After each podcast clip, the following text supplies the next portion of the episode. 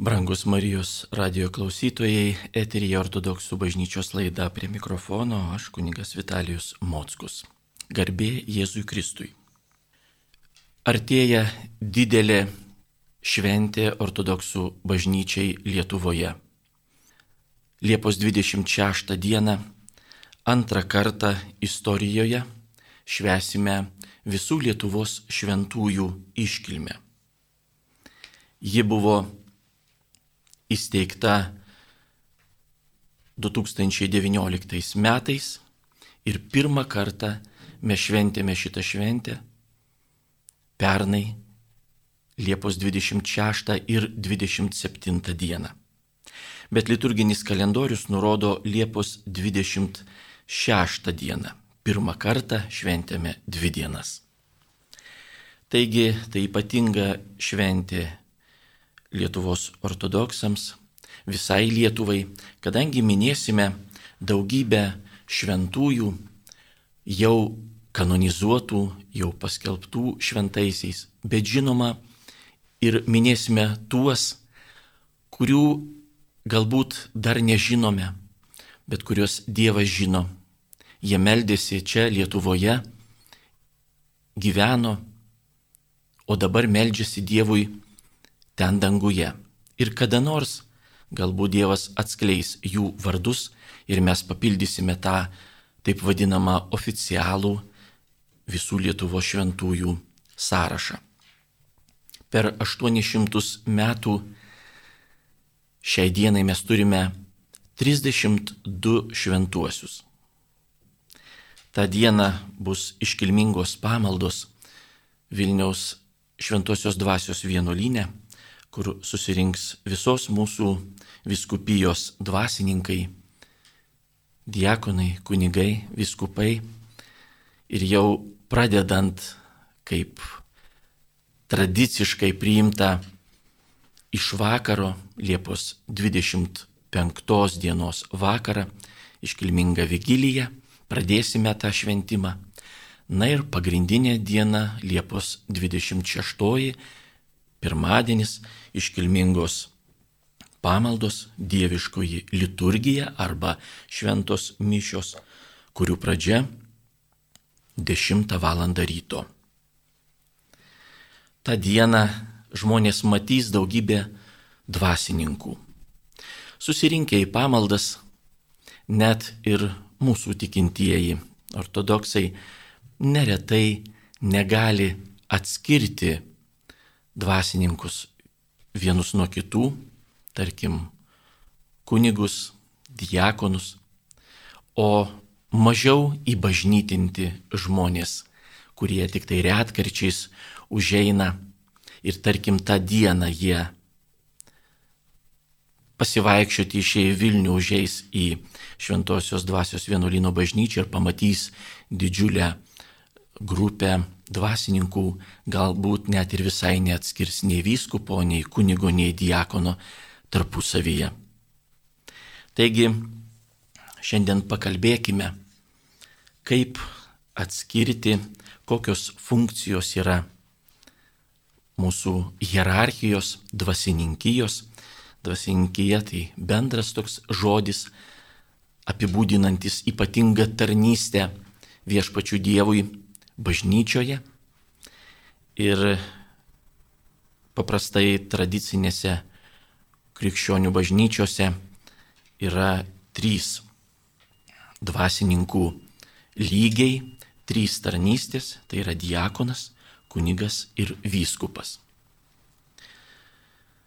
Ortodoksų bažnyčioje diakonas, palyginus su katalikų diakonu, tai iš tikrųjų yra, taip sakykim, kabutėse beteisis. Jis negali savarankiškai pradėti pamaldų, jis negali net pats savarankiškai be kunigo ar vyskupo palaiminimo užsivilkti liturginius drabužius. Jis turi prieiti prie kunigo arba vyskupo, sudėjęs gražiai tam tikrą tvarką savo liturginius jam priderančius drabužius ir paprašyti palaiminti juos užsidėti, užsivilkti. Taigi, diakonas turi nedaug liturginių drabužių, tai dalmatika, stula, kurią dar ortodoksai vadina orarionu. Jis ypatingos formos, truputį skiriasi nuo katalikų bažnyčios diakonų stulos. Na ir tokius rankogalius užsideda manipulius, kurie e, parodo ir primena, jog e, mūsų kaip žmonių rankos čia surištos veikia pats viešpats. Pamaldų metu ir kunigų ar vyskupo aukojant arba diakonui patarnaujant, Dievas veikia, šventoji dvasia veikia, o ne žmogus. Žmogus tik tai ištaria žodžius, atlieka kažkokius tai veiksmus, bet šventoji dvasia veikia. Ir štai Kaip žinome, ortodoksų bažnyčioje dvasininkija skirstoma yra į tokias santykinai dvi dalis. Mes kartais girdime, kalbant, sakant, jog yra juodoji dvasininkija ir baltoji dvasininkija. Ką tai reiškia? Juodoji dvasininkija reiškia, kad šitas dvasininkas yra vienuolis. O baltoji dvasininkija reiškia, kad šitas dvasininkas arba šitie dvasininkai yra arba vedę, turi šeimas, arba yra vieniši celibatai, kaip dauguma katalikų bažnyčios dvasininkų. Diakonas savo stulą arba orarioną prisikabina prie kairio pėties. Ir du galai tos tulos nusileidžia beveik iki žemės arba ilgos, beveik iki žemės dalmatikos arba sticharijos apačios. Vienas galas iš nugaros nuo pėties, kairiojo pėties, o kitas galas iš priekio. Ir diakonas tardamas bet kokius žodžius pamaldų metu. Ar tai būtų intencijos prašymai, ar būtų kiti kokie žodžiai, kuriuos jis turi ištarti, jisai juos tarė, paėmęs priekinį stulos galą į rankas, pirštais ir iškėlęs ranką lyg jisai tokia forma lyg prašytų žodžio kokiam susirinkime, pakėlė sulenktą ranką. Kažkur tai delnas būtų veido ar kaktos lygyje.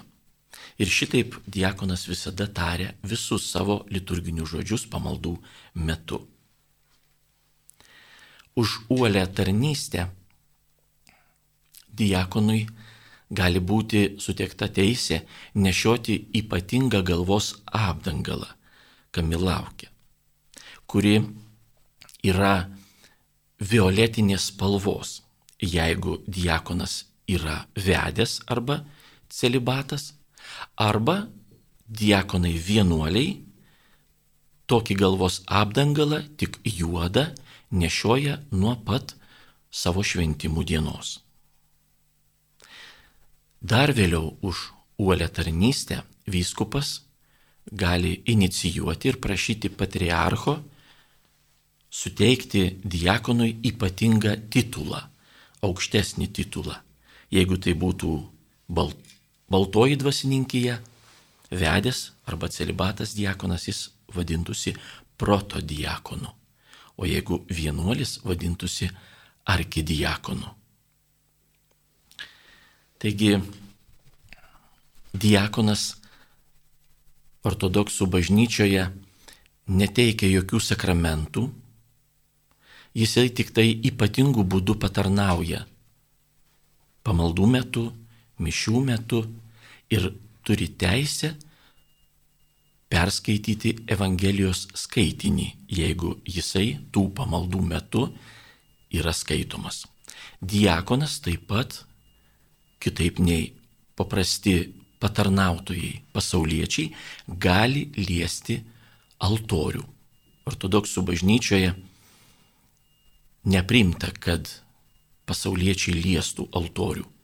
Pavyzdžiui, jeigu reikia ką nors paimti arba padėti ant altoriaus, net nuvalyti, dulkę sutvarkyti, tai atlieka diakonai arba jeigu jų nėra, tai kunigai. Pasaulietis altoriaus liesti negali niekada. Kada vyskupas nutarė diakoną pašventinti kunigu, čia yra antra dvasininkijos pakopa. Kunigas, kunigui šventimų metu tarp kitų liturginių drabužių yra įteikiama ypatinga insignija - sidabrinis kryžius. Sidabrinės tokios baltos metalo spalvos kryžius, kuris yra nešiojamas ant sutanos arba dar kito drabužio, kurį diakonai, kunigai ir viskupai nešioja net ir nepamaldų metu, tai yra kasdienis įprastas drabužis. Sutana, kaip mes visi ir įsivaizduojam ją, ilgas, paprastai juodos spalvos drabužis su siaurom rankovėm, o riasonas dar ant sutanos užsivelkamas drabužis juodas su plačiom rankovėm.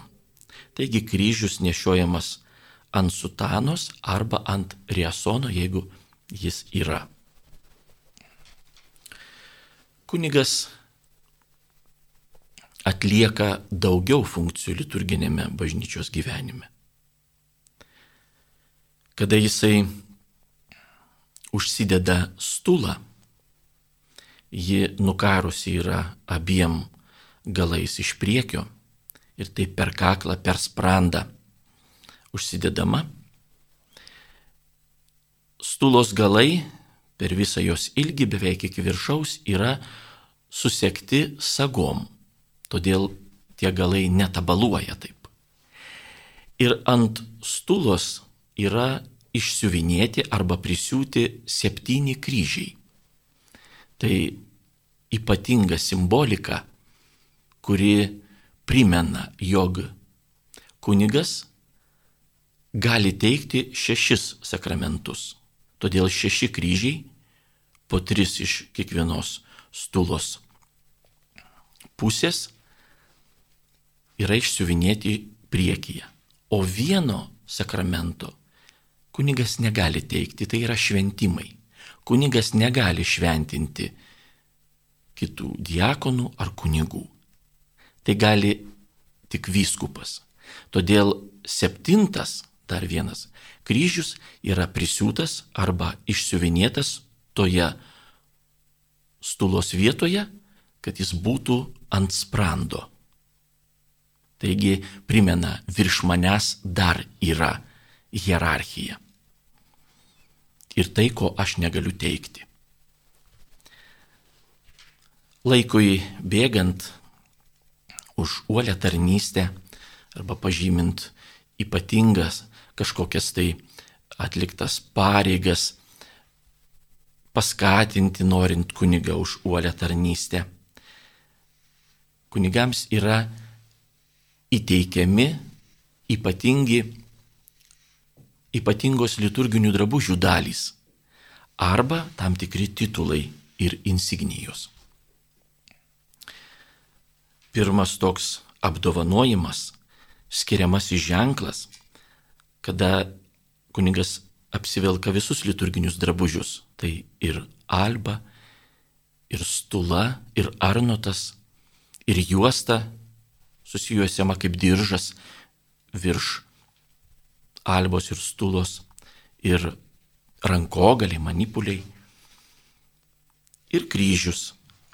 Taigi, jeigu matome, kad dvasininkas su kryžiumi, tai jau žinome, kad tai yra ne diakonas, o kunigas. Ir štai uh, už uolę tarnystę jam suteikiama teisė nešioti dar vieną liturginių drabužių dalį, kuri yra prikabinama arba užkabinama iš šono, tai yra keturkampis audinio, audinys, kuris primena ap, mums tą apaštalų einant skelbti prisikėlusi Jėzų apaštalų sumą, apaštalų tašę.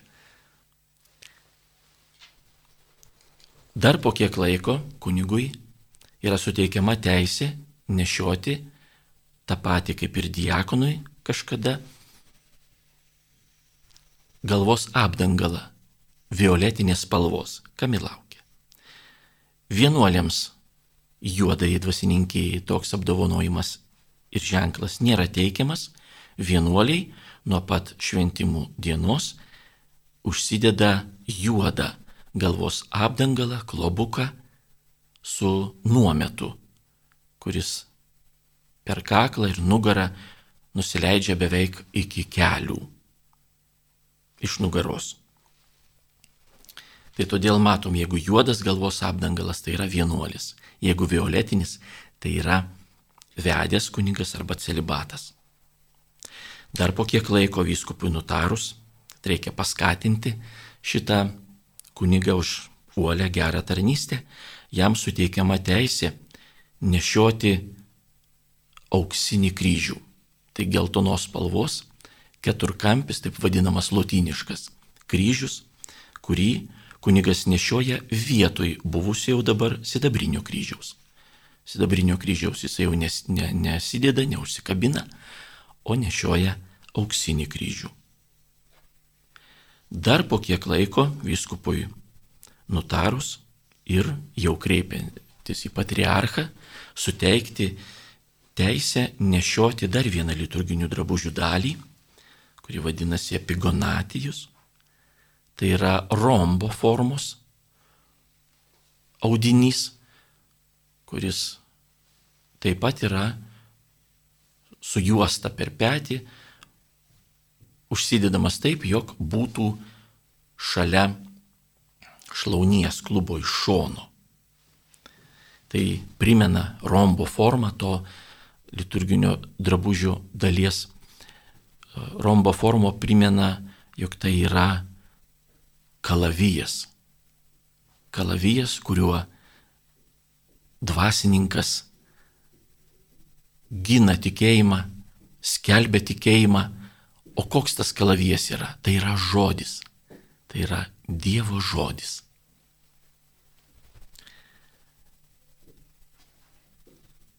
Toliau vėl praėjus kiek laikui, patriarchas gali suteikti kunigui teisę nešioti kryžių su papuošimais. Tai yra vėl ypatingas kryžius, jau auksinis, geltonas, nenešiojamas tada, o toks gražus, išpuoštas įvairiais akmenukais ar stikliukais papuošimais. Todėl taip ir vadinamas kryžius su papuošimais. Dar sekantį kartą viskupui inicijavus, patriarchas apdovanoja kuniga protojerėjaus titulu. Protojerėjus tai yra vyresnysis kunigas, vyriausias kunigas. Tas titulas neteikiamas vienuoliams, jisai neturi jokių skiriamų ženklų, tik tai pasirašant arba kreipiantis mes jau žinome, kad tai yra ne šiaip eilinis kunigas, o proto jėrėjaus titulą turintis. Katalikų bažnyčioje tai atitinka maždaug monsinjorą. Monsinjoro titulą turinti kuniga. Už uolę tarnystę kunigų gali patriarchas vėl inicijavus vyskupui suteikti teisę aukoti šventas mišes arba dievišką liturgiją, kaip priimta tai vadinti ortodoksų bažnyčioje, aukoti liturgiją su atidarytais altoriaus vartais iki cherubinų gesmės, tai yra maždaug pusė liturgijos, pusė šventų mišių. Paprastai altoriaus vartai, kurie yra ikonostasė, tai yra sienoje su ikonomis, atitveriančiomis presbiteriją, kur yra altorius nuo tiesiog bažnyčios navos, kur susirinkę tikintieji meldžiasi. Tie vartai paprastai būna uždaryti pamaldų metu, iškilmingais momentais arba kada dvasininkams reikia išeiti iš presbiterijos į bažnyčios centrą, tie vartai atidaromi yra. Mišių metu paprastai iki šito apdovanojimo kunigai tarnauja, aukoja mišes su uždarytais vartais, jie atidaromi yra tik tai per įžengimus du, šventojo rašto skaitimą ir komuniją, kada išeina dalinti komuniją tikintiesiems. O šitas apdovanojimas suteikia teisę kunigui aukoti mišes su atidarytais altoriaus vartais maždaug pusę pamaldų iki taip vadinamos cherubinų giesmės. Sekantis kartas suteikiama kunigui teisė aukoti šventas mišes, dievišką liturgiją su atidarytais altoriaus vartais iki pat pamaldų liturgijos pabaigos. Vartai uždaromi yra tik tuo metu, kada patys dvasininkai priima komuniją. Ir paskui vėl atidaromi iki pabaigos. Taigi čia ypatingas toks ženklas, kada kunigas gali tarnauti šventas mišes, liturgiją su atidarytais vartais. Tokią teisę visi kunigai turi, jeigu jie tarnauja katedroje. Katedroje visada vartai atidaryti liturgijos metu. Arba toje bažnyčioje, kur patriarchas suteikia tokią ypatingą teisę būtent pačiai bažnyčiai. Todėl visi ten tarnaujantis kunigai nepriklausomai nuo jų rango, jų apdovanojimų, gali aukoti mišes su atidarytais altoriaus vartais. Dar po kiek laiko, vėl už uolę tarnystę, vyskupas inicijuoja kunigui suteikti teisę dėvėti mitrą. Mitra tai labai gražiai išpuoštas ir akmenėliais įvairiais, ir ikonomis, kryžiais, galvos apdangalas. Jeigu protojerėjus, tai yra vedęs kuningas arba celibatas, gauna mitrą, tai jis ir vadinamas mitroforiniu protojerėjumi. Tai yra kunigu, kuriu suteikta teisė nešioti mitrą. O jeigu jisai vienuolis, ir jam suteikta teisė nešioti mitrą, jo titulas yra archimandritas. Mes jau sakėm, jog protojerėjaus titulas vienuolėms nesuteikiamas yra, o kada gauna teisę nešioti mitrą, jis jau vadinamas šitas vienuolis, kunigas vienuolis, vadinamas archimandritu. Mitra duodama arba teisė nešioti mitrą suteikiama maždaug po 40 kunigystės metų. Na ir jeigu Dievas duoda, kunigas sulaukia ir savo 50 kunigystės metų jubiliejaus, negimimo kunigystės metų, o diakono metai jau neskaičiuojami, kiek jis buvo diakonu. Taigi maždaug po 50 kunigystės metų kunigui patriarchas gali suteikti teisę nešioti du kryžius su papuošimais. Abu kartu vienu metu. Šiaip kunigas nešioja vieną kryžių arba baltą, sidabrinį, arba geltoną, auksinį, arba su papuošimais, o čia būtų du kryžiai su papuošimais vienu metu.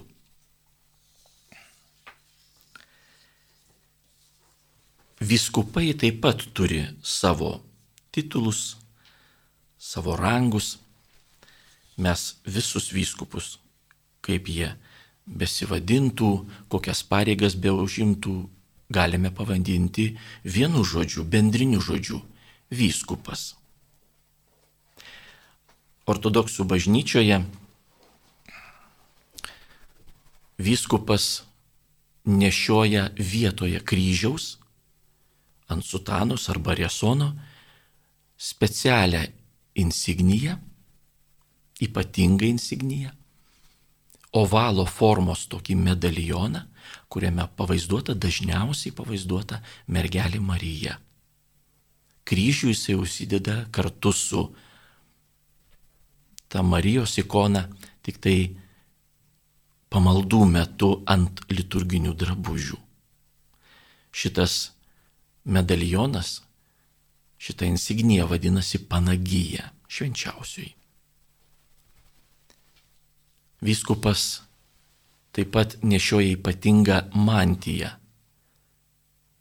Tam tikrų laikų, pamaldų metu, jam uždedama mantija. Tai tokia ilga kapa, kuri dar velkasi maždaug žeme jam einant arba ją neša ypatingas patarnautojas, subdiakonas pakėlęs, tai dar kokius du metrus ir yra raudonos spalvos. Rankoje jisai visada laiko pastoralą arba vyskupo lasdą, jeigu ne pamaldų metu. Su laiku patriarchas, o čia jau tik patriarchas gali ir inicijuoti, suteikia vyskupui arkivyskupo titulą.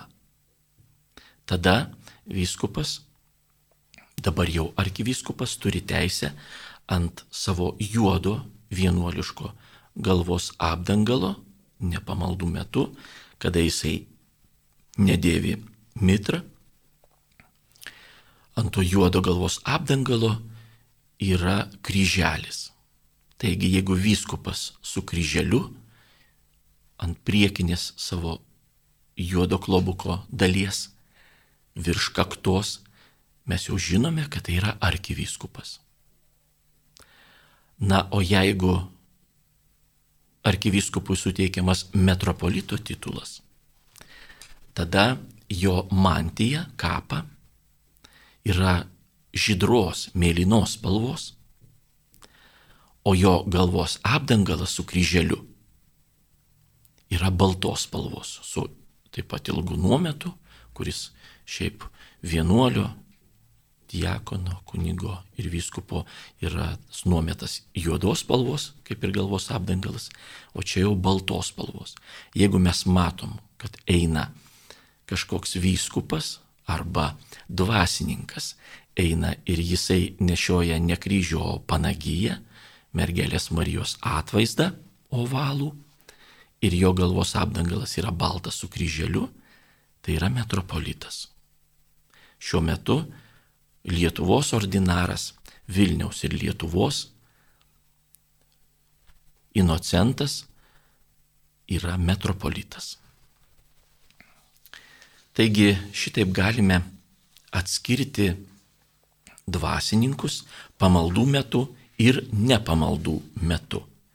Diakonas nedėvi jokios insignijos ant sutanos, kunigas dėvi įvairius kryžius, jie gali būti trijų rūšių, o vyskupas panagyja mergelės Marijos atvaizdą. Taigi labai panašus yra ir titulai, ir funkcijos, kaip ir kitose tradicinėse krikščioniškose bendruomenėse, ortodoksų bažnyčioje, bet yra ir savų, turbūt gražių E, tradicijų, savų gražių titulų, kurie vienaip ar kitaip, pažiūrėjus į dvasininką, galima jau iš tų insignijų, iš titulų, iš liturginių drabužių dalių ir spalvų, na, tarkim, papasakoti beveik visą jo biografiją, net maždaug žinoti, kiek jisai metų jau gavęs šventimus. Gražios yra šitos tradicijos, žinoma, ne juose yra esmė. Svarbu, kad diakonas, kunigas arba vyskupas, nesvarbu, kaip jisai vadinasi, nesvarbu, kokias jisai nešioja insignijas arba liturginius drabužius, jis atlieka savo funkciją bažnyčioje. Teikia sakramentus, ypatingai patarnauja, šventina kitus dvasininkus, viskupai. Viską atlieka taip, kaip numatyta bažnyčios tradicijoje. Bet svarbiausia dvasininko pareiga yra aukoti šventas mišes tarnauti dieviškąją liturgiją, ko mes ir susirenkam visi bažnyčiose. Dvasininkas ortodoksų bažnyčioje visada yra veidų į rytus, kaip ir visi tikintieji. Ir dvasininkas lyg vadovauja pamaldoms.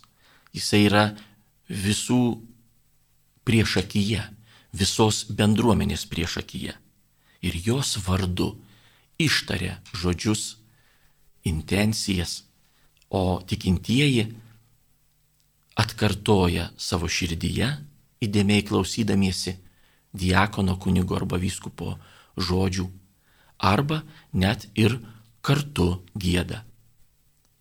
Ortodoksų bažnyčioje tradiciškai kiekvienų mišių arba dieviškosios liturgijos metu yra su visais tikinčiaisiais gėdamos dvi ypatingos giesmės. Tai malda tėvė mūsų ir tikėjimo išpažinimas. Tai yra ne tiek malda, kiek iš tikrųjų išpažinimas, kada klausia, ar tu krikščionis, mesgi atsakome taip. O koks jūsų tikėjimas? Ką jūs tikite? Kaip jūs tikite, kuo skiriasi nuo kitų. Ir mes bandom kažkaip tai suformuluoti ir savo, ir klausiančiajam, kaip čia dabar atsakyti, galbūt trumpai, nes nėra laiko diskutuoti ir pasakoti smulkiai ir ilgai.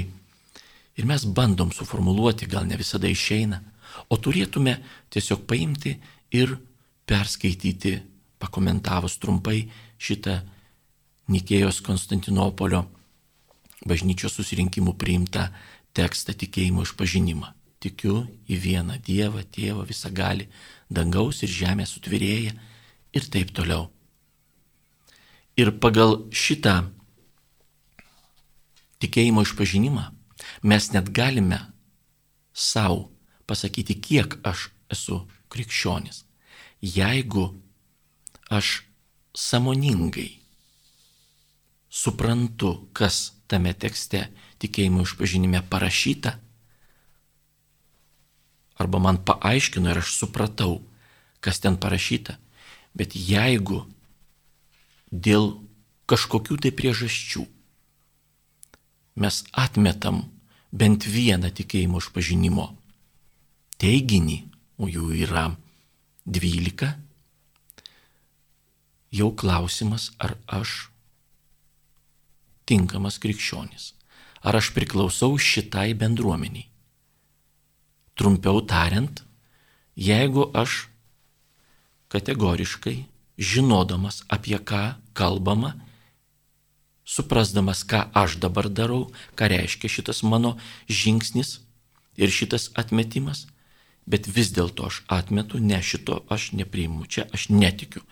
Viskuo tikiu, o šituo netikiu griežtai žiūrint, aš neturiu teisės vadinti save krikščioniu ortodoksu. Ir aš jau atpuolęs nuo bažnyčios. Ir man reikia sugrįžti į ją. Tokius žmonės paprastai ir vadina eretikais.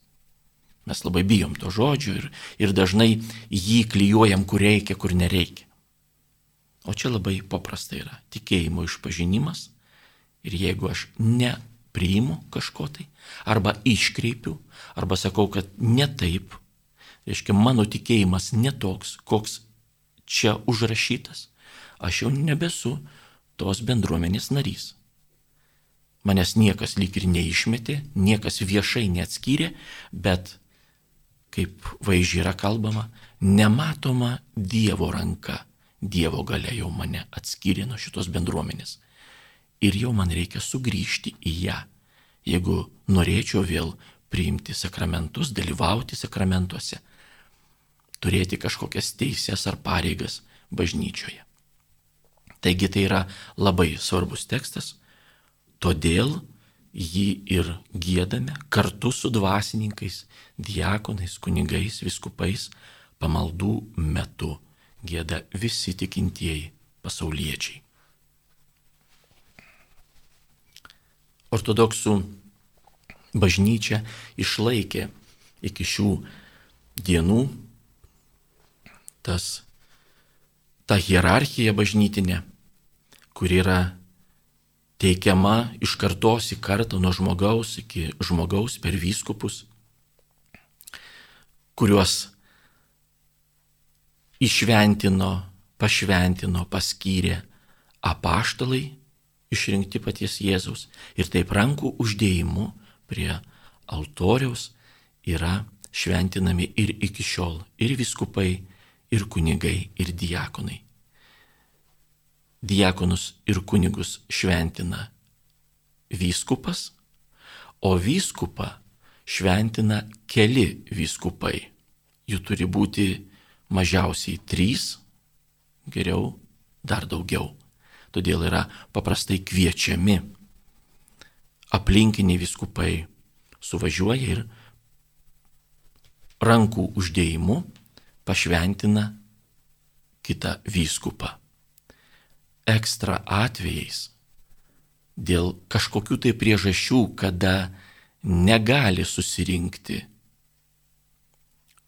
trys ir daugiau viskupų, o bažnyčiai būtina yra, bet čia yra ypatingi atvejai. Buvo istorijoje, kad šventino ir du viskupai, bet paskui bažnyčios susirinkimas, aiškia, viskupų susirinkimas turėjo pripažinti šituos šventimus, lyg ir jau atlikta, bet bažnyčia turi įimti save ir pripažinti, kad tai tikrai buvo ekstra sąlygos.